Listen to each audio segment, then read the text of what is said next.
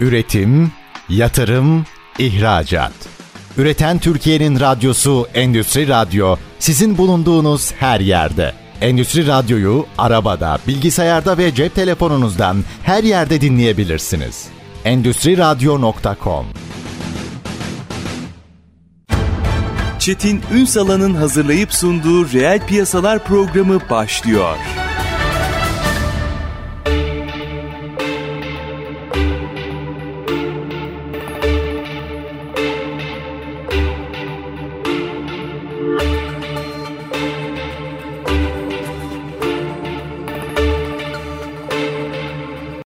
Reel piyasalardan merhabalar. Türkiye'nin gerçek gündeminde birlikteyiz efendim. Bugün özellikle yenilenebilir olmak üzere yurt dışı enerji yatırımlarına bakacağız. Orada potansiyel var, yapılması gerekenler var, izlenmesi gereken yollar var. Hepsini sizler için mercek altına alacağız. Bu arada dipnot aslında söz konusu olan yenilenebilir başta olmak üzere enerji olunca dünyada bu konuyla ilgili çok ciddi fonlar da var. Yani doğru işleri yaparak aslında yurt dışı açılım sağlamak mümkün. Bütün bunları konuşacağız. Kıymetli bir konumuz var. ASG Green Enerji, AS Global Enerji Yönetim Kurulu Başkanı Alas Sağlam. Bugün reel piyasaların konu. Sayın Sağlam hoş geldiniz. Sevgili Çetin, öncelikle teşekkür ediyorum ben, bu programda bana yer verdiğiniz için. Estağfurullah.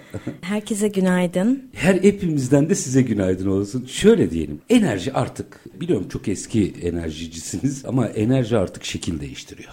Yani yenilenebilirin öne çıktığı, herkesin özellikle bu Rusya-Ukrayna hattında yaşananlardan sonra Avrupa'nın aşırı konsantre olduğu bir alan. Şu potansiyelden bir başlayalım mı? Nasıl bir potansiyel var burada? İlk önce onu bir konuşalım. Aslında burada ülkeler bazında dediğin gibi hem aslında globalde böyle bir yenilenebilir enerjiye ciddi derecede bir artış var. Çünkü aslında bunun temeline baktığımız zaman temelinde dünyadaki bu dinamikleri değişmesinin nedeni Paris Anlaşması 2015 yılında yürürlülüğe giren ve Avrupa Birliği bazı ülkeler e, Türkiye'de dahil olmak üzere bir anlaşma imzaladılar.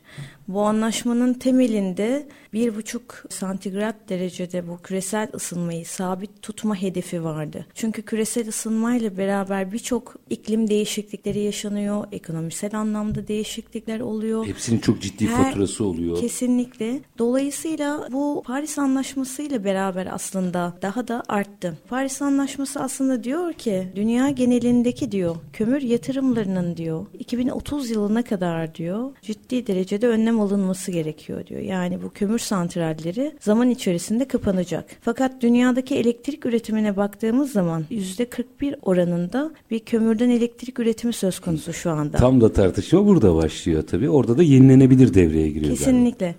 Dolayısıyla yüzde 41 çok ciddi bir rakam. Bu kömür santrallerinin kapanması demek 41'lik bir yeni enerji ihtiyacı demek. Bu demek oluyor ki bu santrallerin yerine ne gelecek? Güneş gelecek, rüzgar gelecek, SMR teknolojisi gelecek. SMR'dan da bugün kısaca Birazcık biraz bahsedeceğim onu. Ya da elektrikli araçlar gündeme geldi. Daha da kullanımı artacak bu 2030 dönemi içerisinde. Bir de öyle bir çelişki var ortada. Ee, yani bir yandan tabii dünyayı kurtarmaya çalışırken teknoloji elektriği çok daha ihtiyaç duyulur hale getiriyor. Elektrikli araçlar başta olmak üzere. Kesinlikle. Yani elektriğe olan ihtiyaç, daha doğrusu enerjiye olan hmm. ihtiyaç diyelim. Her geçen gün dünya nüfusunun artmasıyla da beraber artmakta olduğunu görüyoruz. Ve bunun yanında hani hidrojenden, hidrojenli araç teknolojileri artık gelişiyor. Bu hidrojen üretimi için de yine yenilenebilir kaynaklar kullanılıyor. Nedir bu? Jeotermal, güneş, rüzgar,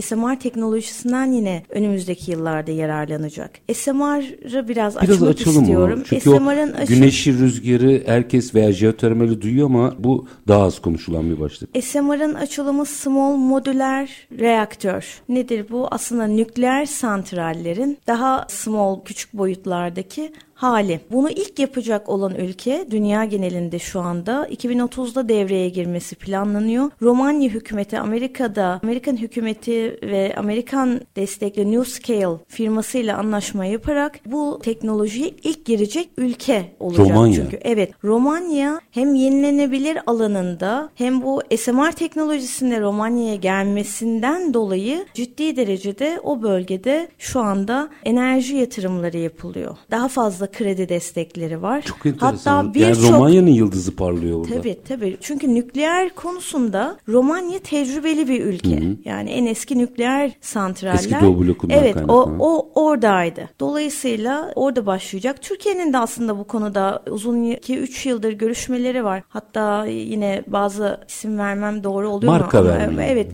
iki, iki firmayla görüşmeler devam ediyor şeyde Enerji Bakanlık seviyesinde. Ama Türkiye biliyorsunuz ki hani daha diğer santralimiz sistem olarak devreye girmedi. Bizim süreç biraz daha uzun görünüyor. O zaman şimdi Romanya çok enteresan geldi. Yani hiç aklıma gelmezdi Romanya açıkçası ama doğru. Eski Doğu blokunun nükleer noktası olunca o faktörü düşününce mantıklı geliyor. Peki burada ne tip fırsat var? Ne Ya yapabiliriz? Burada birçok fırsat var. Sadece Romanya özelinde değil. Ben o bölgelerde şirket yapılanması yapmamızın nedeni şu anda o bölgelerde ciddi derecede Balkan ülkeleri dahil Bulgaristan, Yunanistan, Romanya gibi e, Avrupa Birliği'ne üye ülkeler, İtalya olsun, İspanya bu bölgelerde ciddi derecede teşvikler var. Kredisel olarak destekler var. Kredi oranları çok düşük. Dolayısıyla burada herkes yatırımcılar bir yerden başlamak istiyor. Türk yatırımcılar da çok fazla Romanya'da. Çok fazla giden var. Çok fazla orada güneş projeleri, rüzgar projeleri ya da SMR'a bir şekilde dahil olmak isteyen üretici firmalar var. Yani SMR'da bir bunlar kompak üniteler halinde geldiği için ünitelere dokunulmıyor. Modüler Ama mi oluyor? Modüler e, bir sistem olduğu için ama bunun dışında oranın inşai işleri olsun, işte izolasyon malzemesi vesaire bununla ilgili orada çok fazla fabrika kurulumları. Çünkü otomobil teknolojisi de değişecek SMR ve Tabii. hidrojenden sonra. Değişmeye de başladı. Dolayısıyla orada otomotiv sektörü yan sanayileri de e, şu anda lojistikten dolayı da orada o,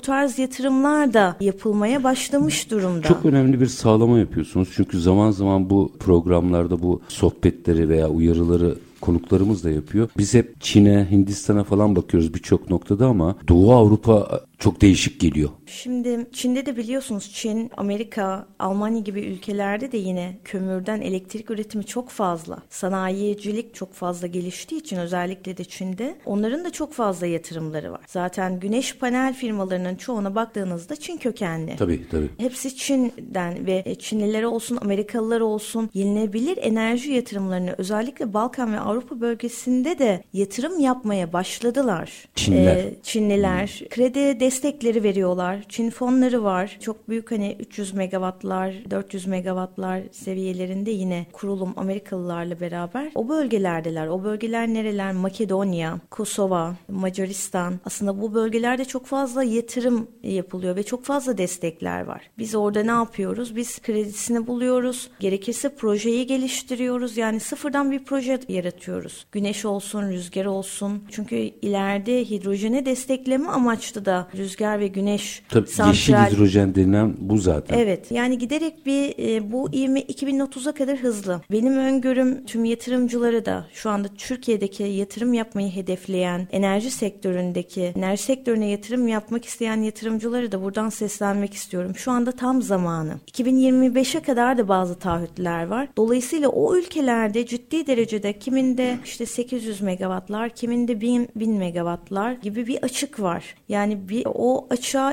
istinaden işte lisanslamaları, ön lisansları verilen birçok proje arazisi var. Bizim de şu anda Şey araziler teşvikli mi? ya araziler devlet de bazen kiralama yöntemi de yapabiliyorlar. Yani Hmm. Ulaşılabiliyor belediyeler yani. evet ulaşılabiliyor ve şu an tam zamanı. 2030'a kadar 2030'daki hedef solar ve rüzgardan 1000 gigabaytlarda Bir enerji enerji üretimi. planlanıyor. Bu çok büyük bir rakam dünya genelinde. Şunu birazcık açacağım. Ya bir kere aşama aşama hani bir yatırım yapmak isteyenin yolculuğunu yaptırmak istiyorum. Ama minik bir aradan sonra bir 2-3 dakikamız var araya. Ama öncesinde ilk önce belki kriteri şuradan koymak lazım. Hani karar verdi ve yola çıktı. Tamam bunu bir sonraki bölümde açmak istiyorum ama önce buna karar verenin sahip olması gereken özellikler ne? Yani ben buralarda yatırım yapmaya niyetlendim. Evet.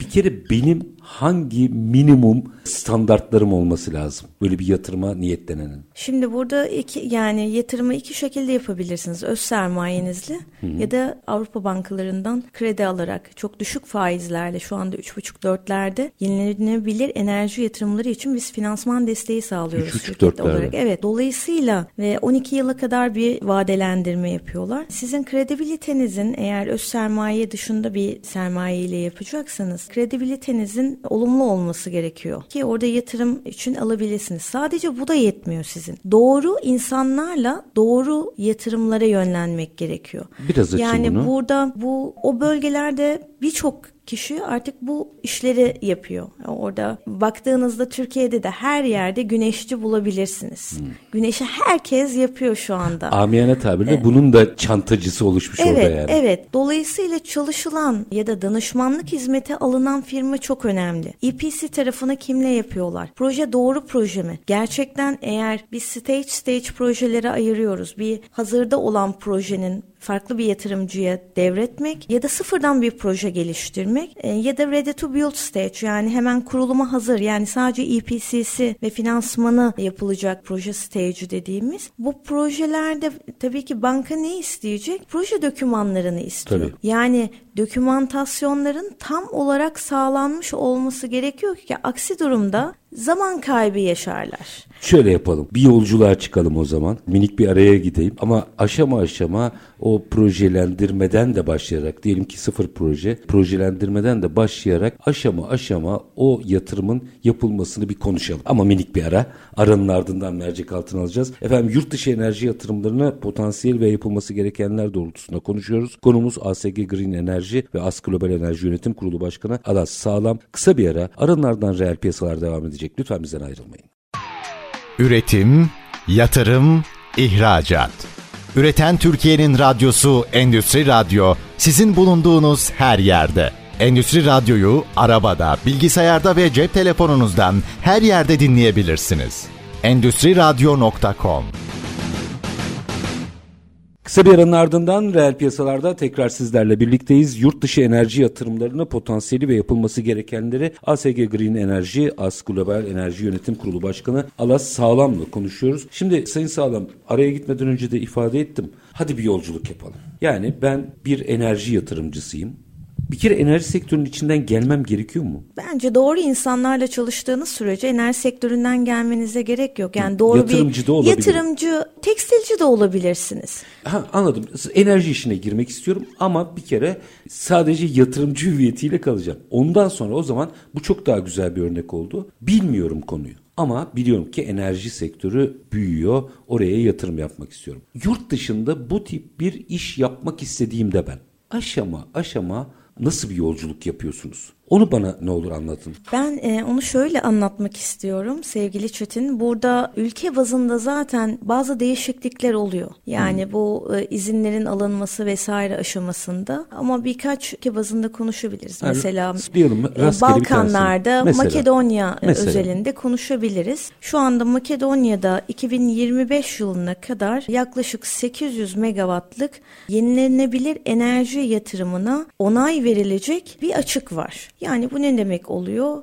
Bizim iki yıl içerisinde, iki maksimum iki buçuk yıl içerisinde bu 800 megawattlık yatırımı orada yapmamız Ha, gerekiyor. bir dakika uyarı bir. Yani bunlar ganiyet olan şeyler değil. Bu süre içerisinde o yatırımların içinde yer almak gerekiyor. Kesinlikle çünkü ondan sonra nasıl bir hedef belirlenecek bilmiyoruz. Bilmiyoruz, tabii. Şimdi Makedonya zaten Avrupa Birliği'ne aday bir ülke olduğu için tüm kendi regülasyonlarını Avrupa Birliği standartlarında artık yapma eğiliminde. Bir yatırımcı olarak oraya geldiniz. Doğru da bir firmayla işbirlikteliği içerisine girdiniz ki firmayla kol kola gezeceğiniz için burada güven faktörü doğru insan insanlar, doğru partner diyeyim aslında çok önemli. Çünkü sizi doğru yönlendirmesi lazım. Zaman kaybetmemeniz lazım. Çünkü zamanla yarışıyoruz biz. Yani 2025'e kadar o 800'ün içerisinde yer almak gerekir. Makedonya evet, özel için Çünkü konuşuyorum. hem Makedonya hem globalde baktığımız zaman hedefimiz bizim ne? 2025, 2030, 2035, Kriterler 2040, belli. 2050'ye kadar bu sene gidiyor. Yani 5 yıllık planlamalar yapılıyor. Biz 2025'e kadar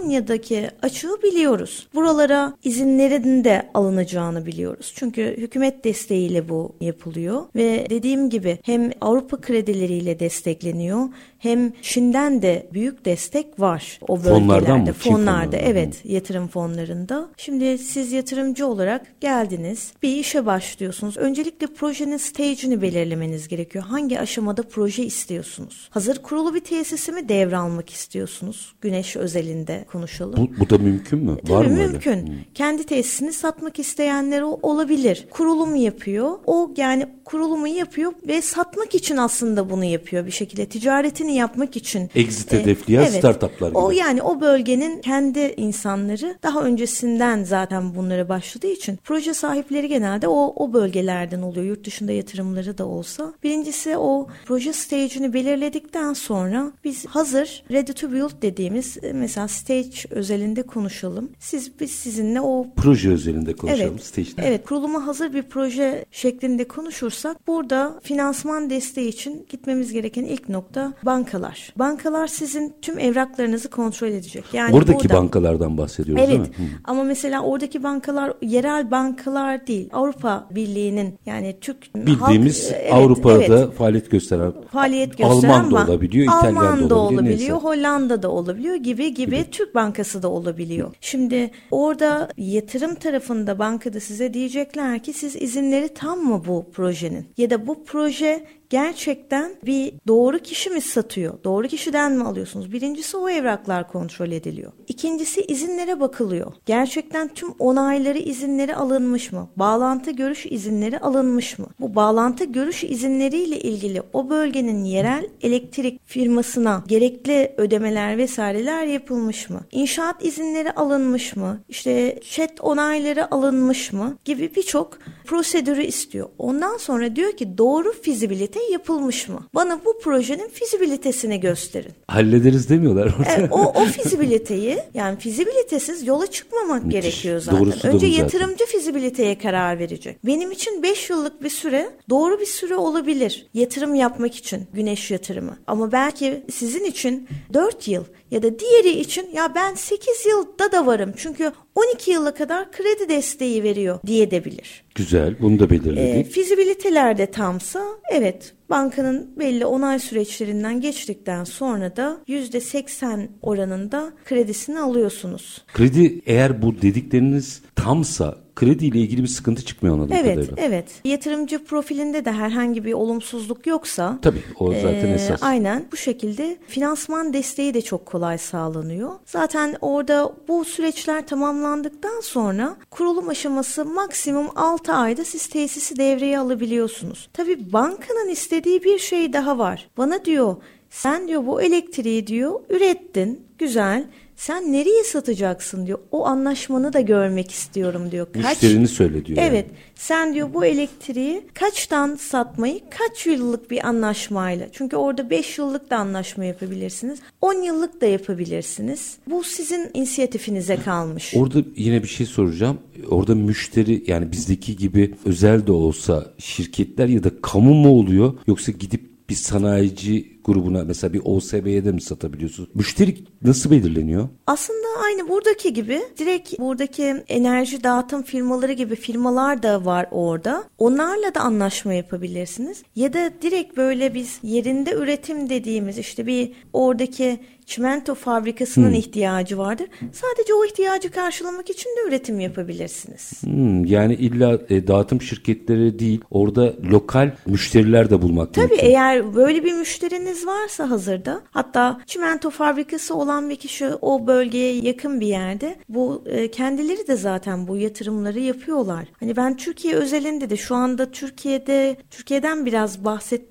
bahsetmek de istiyorum aslında, değinmek istiyorum. Kredi oranları Türkiye'de şu anda çok yüksek enerji yatırımı için. Alım garantileri yok. Artık pazar biraz aslında kirlendi. Benim önerim yatırımcılara, özellikle sanayiciler, otel sektörü olsun yerinde üretim yani bu nedir? Kendi öz tüketimi için yatırım yapsınlar. Zaten hazırda bu tarz projeler var. Hazır lisansları alınmış bekleyen ya da çatı projesi yani yapabilirler ya da başka bir yerden. Ama bence şu anda Türkiye'de yapılması gereken sadece kendi öz tüketimleri için yatırım yapmaları daha doğru olacaktır. Hmm, bu önemli bir uyarı. Yani hem de çok avantajlı tabii enerji maliyetlerini minimize etmek anlamında ama genele veya şebekeye satmak diyelim onun yerine yatırımların lokal bazda yapılması gereği açık. Evet. Bu anladığım kadarıyla yurt dışında daha rahat.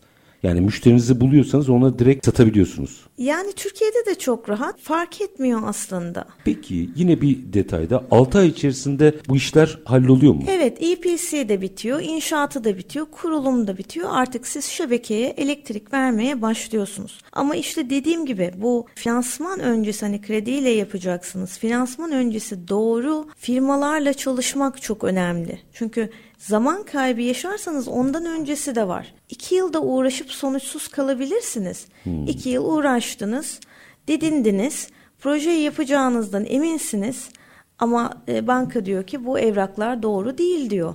Bu arsada bu izin yok diyor. Yani bunların çok sıkı denetlenmesi lazım. Bu işi yapan firmalar da var o bölgelerde. Yani oralarda iyi bir finansçıya ihtiyacınız var e, iyi bir danışmanlık hizmeti aldığınız e, firmaya ihtiyacınız var. İyi bir hukuk bürosuna ihtiyacınız var. İyi bir avukata ihtiyacınız bu var. Bu üçü orada. olmadan bir kere yola çıkmayın evet. diyorsunuz. Evet. Bunla, bunları yapan, e, bu üçünü yapan global firmalar da var. Yani onlarla da yol almak bence çok daha doğru olacaktır. Orada bir şey yine merak ederim. Bir bakayım.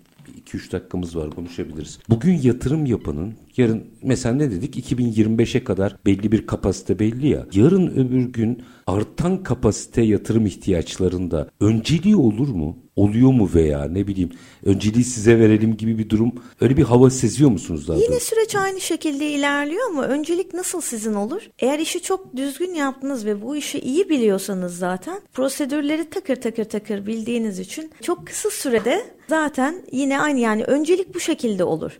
Sizin tecrübenize bağlı önceliğiniz. Hmm, yani izinleriniz daha çabuk çıkabilir tabii, vesaire. Zaten tabii, orada iş aynen. yapıyorsunuzdur. Tamamen tecrübeye dayalı. Dolayısıyla bu işi daha öncesinde yapmış tecrübeli firmalarla da yola çıkmak gerekiyor. Yanlış yol arkadaşı tamam. Onu bir kenara koydum. Onun dışında en büyük hata, handikap nerede ortaya çıkabiliyor? Firmadan kaynaklanan. Prosedür çok açık çünkü.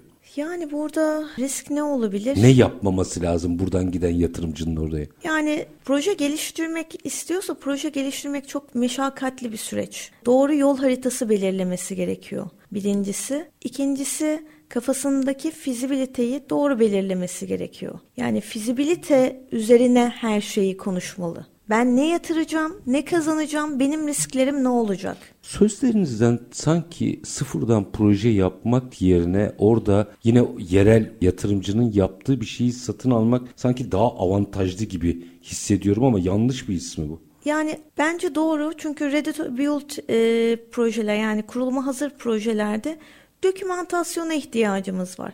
Proje sahibi kim? Dokümantasyonları tam mı? Oranın e, buradaki e, TEDAŞ gibi elektrik firmasıyla, dağıtım, firması. dağıtım firmasıyla e, anlaşmaları tam mı? Onayları alınmış mı? E, bunlara dikkat edilmesi gerekiyor. Yani o, o, o, o süreç daha kolay. Daha kontrolünü yapabilir. Bu sektörden de gelmiyorsa. İş yapmak kolay mı onlarla? Şimdi tabii bir de bu aşama var. Yani orada bir yatırıma gittiniz satın alacaksınız da iş yapmak nasıl? Orada da yine dinamikler değişiyor ama benim gördüğüm kadarıyla hani biz çok zorlanmıyoruz o bölgelerde. Biraz Balkanlarda bize benziyordur Tabii, zaten. Evet, evet. Muhtemelen. Evet. O yüzden bazı şeyleri baştan konuşmakta fayda olan bir bölge olduğunu düşünüyorum.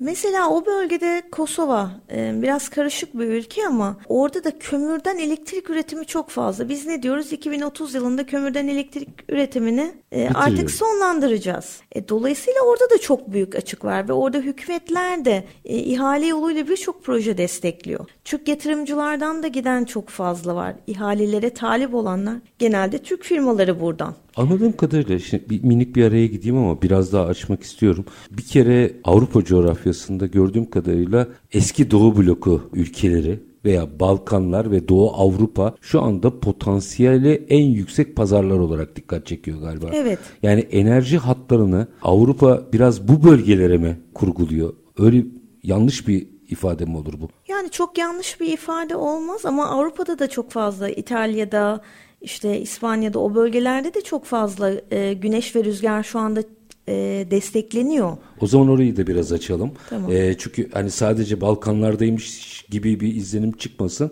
Oralarda biraz daha işler meşakkatli olabilir. Hatta çok kısa bir Amerika özelinde de konuşabiliriz. Ha, o, o orası da olur. çok büyük bir pazar çünkü şu Girilebilir anda. bir pazar. Girilebilir bir pazar. Amerika ile başlayalım o zaman. Çünkü her sektörde aslında orayı konsantre. Çünkü Amerika pazarına bir kere girdiniz mi ve kendinizi ispat ettiniz mi evladiyelik oluyor Evet. artık o. Konuşalım Amerika ile başlayalım ama minik bir ara. Aranın ardından ASG Green Enerji, As Global Enerji Yönetim Kurulu Başkanı Alas Sağlam'la yurt dışı enerji yatırımlarını konuşmaya devam edeceğiz. Lütfen bizden ayrılmayın.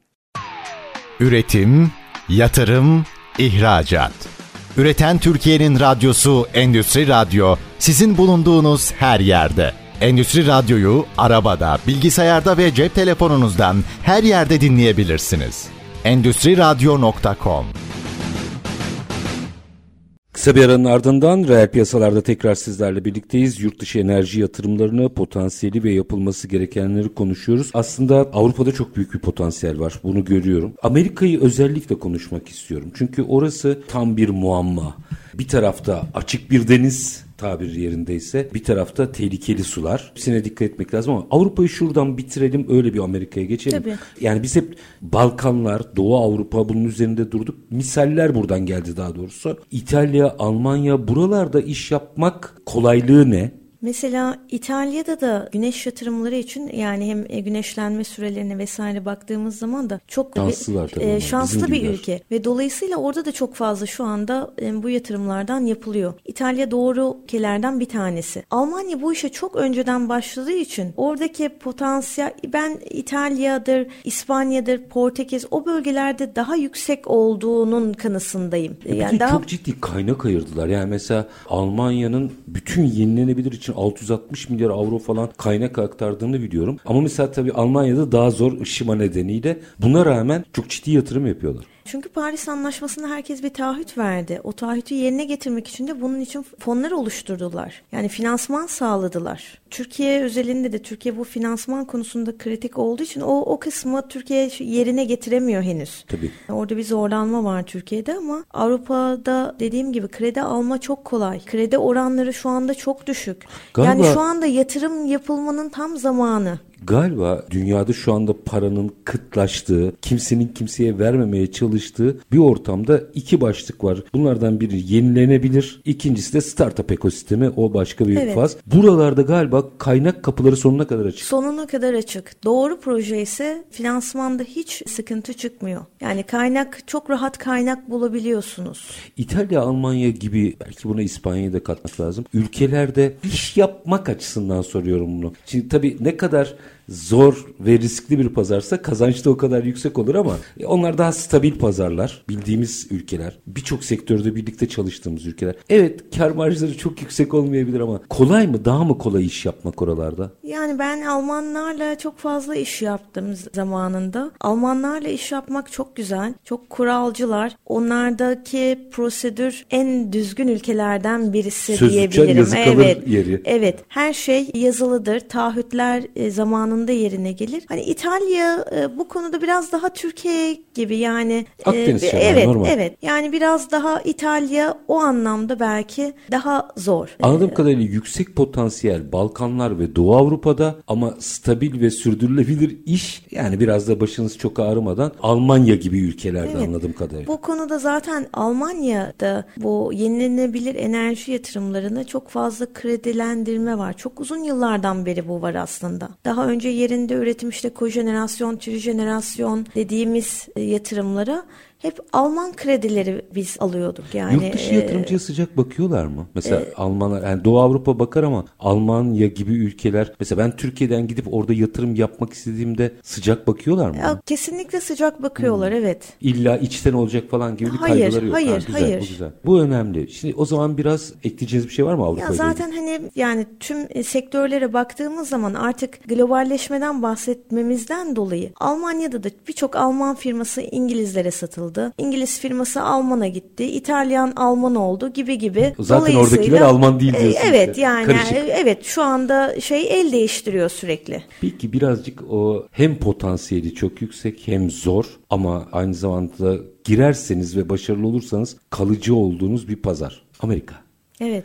Hadi biraz Amerika'yı konuşalım. Amerika din dinamikleri ne Avrupa gibi ne Balkanlar gibi. Amerika dinamikleri çok daha farklı. Bir de Amerika'da her eyaletteki kanunlar, kurallar farklı. Yani her eyalet farklı bir ülke gibi aslında. Doğru. Eyalet eyalet kanunlar vesaireler değişiyor. Ama şu anda Amerika'da da bu güneş, rüzgar, SMR bunlara çok ciddi teşvikler var yapılması için. Bir kere hani Amerika yüz ölçümü bakımından da baktığımızda kendi başına pazar zaten. Kendi başına bir pazar. E mesela Florida bölgesinde orada çok fazla güneş yatırımları yapılmayı planlanıyor. Yüksek kapasitelerde. Çok ciddi firmalar var. Orada bu işi yani panel üretimi de orada olsun denildiği zaman yani oradaki panel üretimi yapan firm için yerine orayı kullandığınız zaman ciddi derecede teşviklendirmeleriniz de var. Ha, Amerikan menşeli panelleri kullandığınızda evet, teşvik ekstra evet, teşvik evet, alıyorsunuz. Evet. Ya şu anda Amerika'da çok ciddi teşvikler var. Hem konutta işte çatı projelerinde de öyle. İndirimler vesaireler, vergi avantajları bile var. Biliyorsunuz Amerika'da vergilendirme sistemi de eyalet eyalet değişiyor ve ciddi ciddi oranda vergiler ödüyor. Yani takip etmeniz gereken evet, bir. Dolayısıyla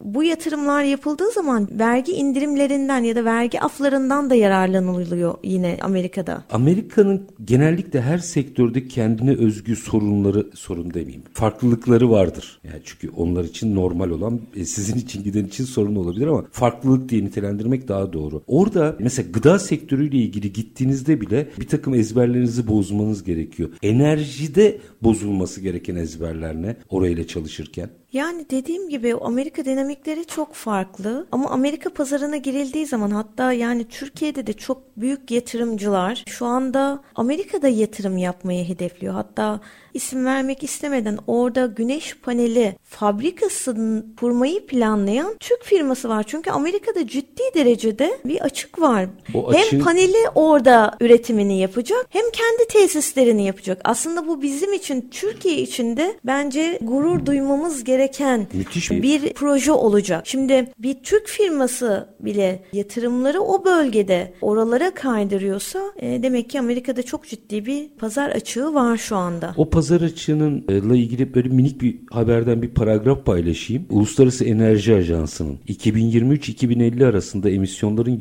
%45 kadarının fosil yakıtlarından kaynaklanacağını tahmin etmesine karşın dünyanın ikinci büyük ekonomisi yani az önce Sayın Sağlam'ın söylediği Çin kapasiteyi arttırıyor. 2023 yılında Çin'in yeni kurulan güneş enerji tesisleri İngiltere medyasında yer alan bir rapora göre Amerika Birleşik Devletleri'nin iki katı olacak. Belki de Amerika Birleşik Devletleri bu açığı kapatmaya çalışıyor. O yüzden çok büyük potansiyel Kesinlikle var. Kesinlikle bundan dolayı çünkü orada da kömürle elektrik üretimi orada da fazla. Ve 2030'da çok yani 2030'a kadar çok ciddi yatırımlar yapılacak. Bu ama 2030 vurgunuzu önemsediğim için altını çizmek adına soruyorum. Bu ya bir bakarız durumu değil galiba. Bir ifadeniz var. Zamana karşı yarışıyoruz. Zamana karşı yarışıyoruz. 2025'teki şey nedir bizim 2025'teki en önemli anahtar noktamız? 2025'te diyoruz ki daha fazla fosil yakıtlı üretim yapan hiçbir yer olmayacak ve satış da yapılmayacak. Bu çok önemli. Ya da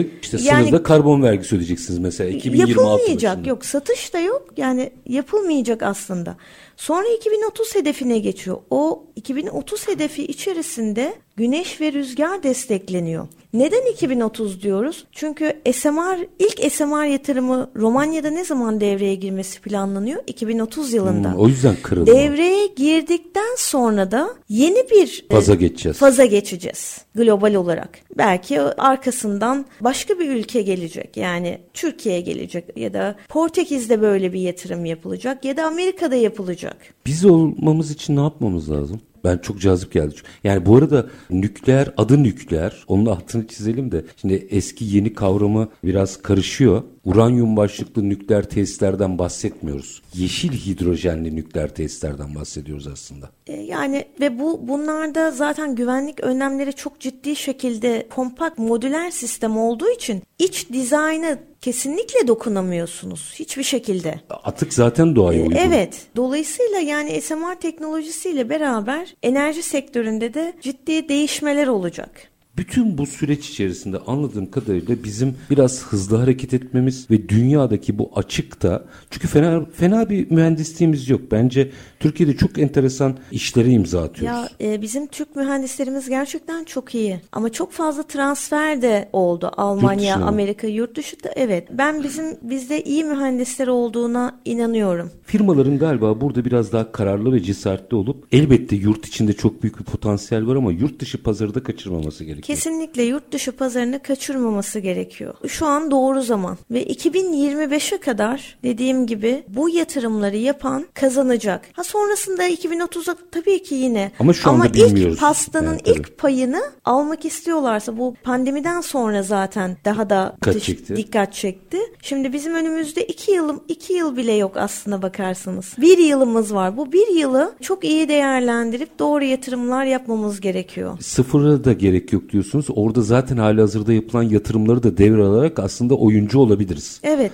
Biraz elin taşıyla elin kuşu meselesi de geliyor. Yani başkasının parasıyla eğer doğru projelendirme yapıyorsanız aslında sektöre girebiliyorsunuz. Evet. Dünya buna kaynak aktarıyor. Kesinlikle evet. Kim girmesin? Tersten sorayım. Ya ben kim girmesin demeyeceğim ama yani böyle bir şey diyemem hiçbir yatırımcıya ama dikkatli olmalarını sadece tavsiye edebilirim. Ama e, oraya her gittiklerinde Türkiye'nin bayrağını taşıdıklarını unutmamaları Evet gerekiyor. kesinlikle. Oradaki yapılan herhangi bir yanlışlık yani çünkü orada proje sahipleri o bölgeye ait insanlar. İtalya'da da öyle, e, Makedonya'da da öyle, Romanya'da da öyle. Bir yatırımı yapılacağına eğer yatırım yapmaya karar verip son anda o proje sahibini de yarı yolda bırakırsanız bizlerin adını gerçekten lekelenmiş oluyoruz. Buna dikkat edilmesi gerekiyor. Ve camia galiba gerçek- çok küçük değil mi? Evet çok küçük ve her, yani enerji sektörü Türkiye'de de öyle. Herkes aslında birbirini Tanır. e, çok iyi tanır, bilir. Çünkü zamanında işte gaz işi yapanlar şu anda güneş yapıyorlar, rüzgar yapıyorlar. Enerjici yani aslında. Enerjici aslında. Sadece şekil değiştiriyor.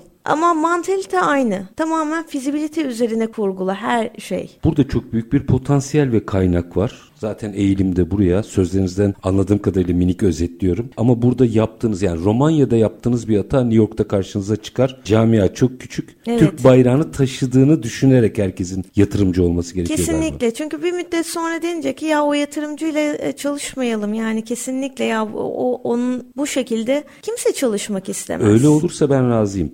Bunun adı Türklerle çalışmayalıma çıkarsa çok kötü. Evet, Çünkü evet. nitelikli iş yapanın da önünü kesmiş Kesinlikle. oluyorsunuz. Süren bitti ama son bir değerlendirme almak isterim. Anladığım kadarıyla fazla zamanımız yok. Orada kaynak ve iş var ve bizim bir an önce doğru projelerle yola çıkmamız gerekiyor. Son bir değerlendirme alayım öyle veda edeyim. Ya bu konuda enerji yatırımı yapmak istiyorsak gerçekten elimizi çabuk tutmamız gerekiyor. Bu zamanı iyi değerlendirmemiz gerekiyor. Doğru yatırımları yaparsak ben kazançlı ol- olunacağına inanıyorum. Doğru yatırım yapılmasını tavsiye ediyorum herkese. Yüreğinize sağlık. Aslında işin doğru çalışmak kaydıyla e, çok da zor olmadığını anlattınız. Finansından işin prosedürüne kadar. Evet. Tabii yani burada da gül bahçesi vaat der bir duruma gelmeyelim de. Şöyle bir açılım yapmak istiyorum. Hani hem güneş hem rüzgar konuştuk. Rüzgar daha komplike bir proje. Yani rüzgar doğru analizlerinin yapılması gerekiyor. Baştan itibaren yer seçiminin doğru vesaire vesaire. Bir de rüzgar tesisinin işletmesi ayrı bir mühendislik gerekiyor. Yani hmm. bir mühendis ekibi kurmanız lazım. O şantiye içerisinde. Ama güneş yatırımlarının şöyle bir kolaylığı var. O yüzden herkes güneşçi oldu diyorum aslında.